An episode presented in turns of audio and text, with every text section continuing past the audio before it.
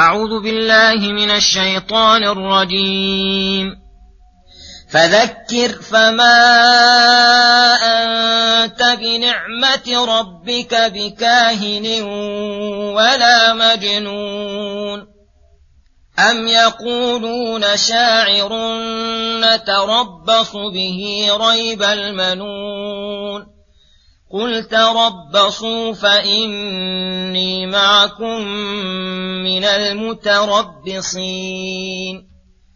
أم تأمرهم أحلامهم بهذا أم هم قوم طاغون أم يقولون تقوله بل لا يؤمنون فليأتوا بحديث مثله إن كانوا صادقين أم خلقوا من غير شيء أم هم الخالقون أم خلقوا السماوات والأرض بل لا يوقنون أم عندهم خزائن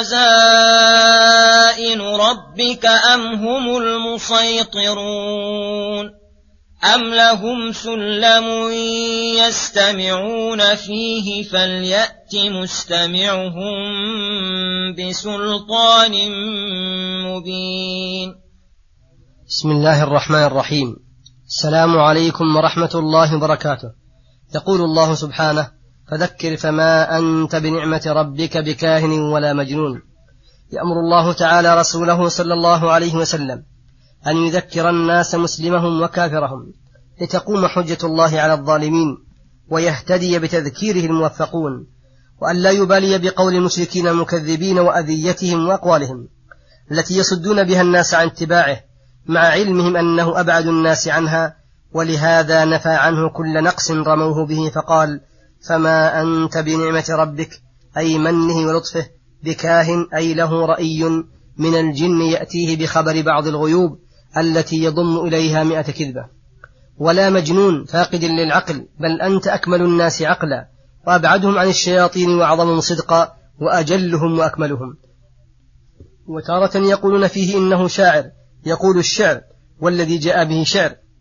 والله تعالى يقول وما علمناه الشعر وما ينبغي له. نتربص به ريب المنون أي ننتظر به الموت فيبطل أمره ونستريح منه. قل لهم جوابا لهذا الكلام السخيف. تربصوا أي انتظروا بي الموت فإني معكم من المتربصين. نتربص بكم أن يصيبكم الله بعذاب من عنده أو بأيدينا. أم تأمرهم أحلامهم بهذا أم هم قوم طاغون؟ أي هذا التكذيب لك والأقوال التي قالوها. هل صدرت عن عقولهم وأحلامهم؟ فبئس العقول والأحلام التي هذه نتائجها وهذه ثمراتها. فإن عقولا جعلت أكمل الخلق عقلا مجنونا وجعلت أصدق الصدق وأحق الحق كذبا وباطلا لهي العقول التي ينزه المجانين عنها. أم الذي حملهم على ذلك ظلمهم وطغيانهم؟ وهو الواقع فالطغيان ليس له حد يقف عليه فلا يستغرب من الطاغي المتجاوز الحد كل قول وفعل صدر منه. أم يقولون تقوله أي تقول محمد القرآن وقاله من تلقاء نفسه بل لا يؤمنون فلو آمنوا لم يقولوا ما قالوا. فليأتوا بحديث مثله إن كانوا صادقين.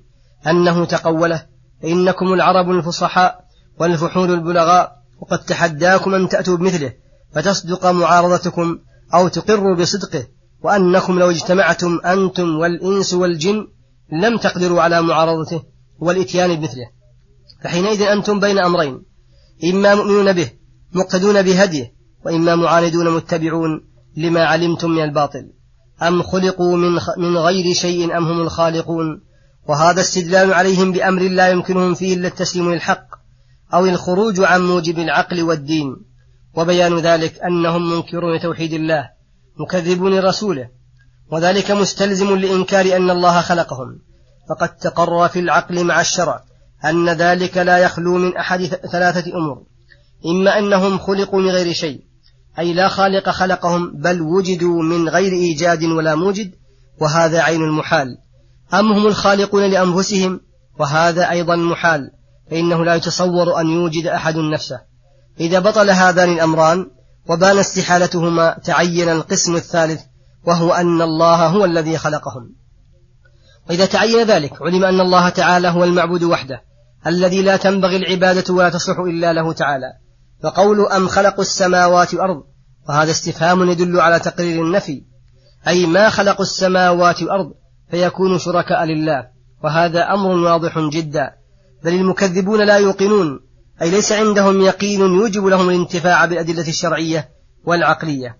أم عندهم خزائن ربك أم هم المسيطرون؟ أي عند هؤلاء المكذبين خزائن رحمة ربك؟ فيعطوا من يشاءون ويمنعوا من يشاءون. أي فلذلك حجروا على الله أن يعطي النبوة عبده ورسوله محمدا صلى الله عليه وسلم. وكأنهم الوكلاء المفوضون على خزائن رحمة الله وهم أحقر وأذل من ذلك. فليس في أيديهم لأنفسهم. نفع ولا ضر ولا موت ولا حياة ولا نشور. أهم يقسمون رحمة ربك نحن قسمنا بينهم معيشتهم في الحياة الدنيا. أم هم المسيطرون أي المتسلطون على خلق الله وملكه بالقهر والغلبة. ليس الأمر كذلك بل هم العاجزون الفقراء. أم لهم سلم يستمعون فيه؟ أي لهم اطلاع على الغيب واستماع له بين الملأ؟ فيخبرون عن أمور لا يعلمها غيرهم. فليأت مستمعهم المدعي لذلك. بسلطان مبين وأنى له ذلك. والله تعالى عالم الغيب والشهادة فلا يظهر على غيبه أحدا إلا من ارتضى من رسول يخبره بما أراد من علمه. فإذا كان محمد صلى الله عليه وسلم وهو أفضل الرسل وأعلمهم وإمامهم وهو المخبر بما أخبر به من توحيد الله ووعيده وغير ذلك من أخباره الصادقة والمكذبون هم أهل الجهل والضلال والغي والعناد. فأي المخبرين أحق بقبول خبره؟ خصوصا والرسول صلى الله عليه وسلم قد أقام من الأدلة والبراهين على ما أخبر به ما يوجب أن يكون ذلك عين اليقين وأكمل الصدق وهم لم يقيموا على ما ادعوه شبهة.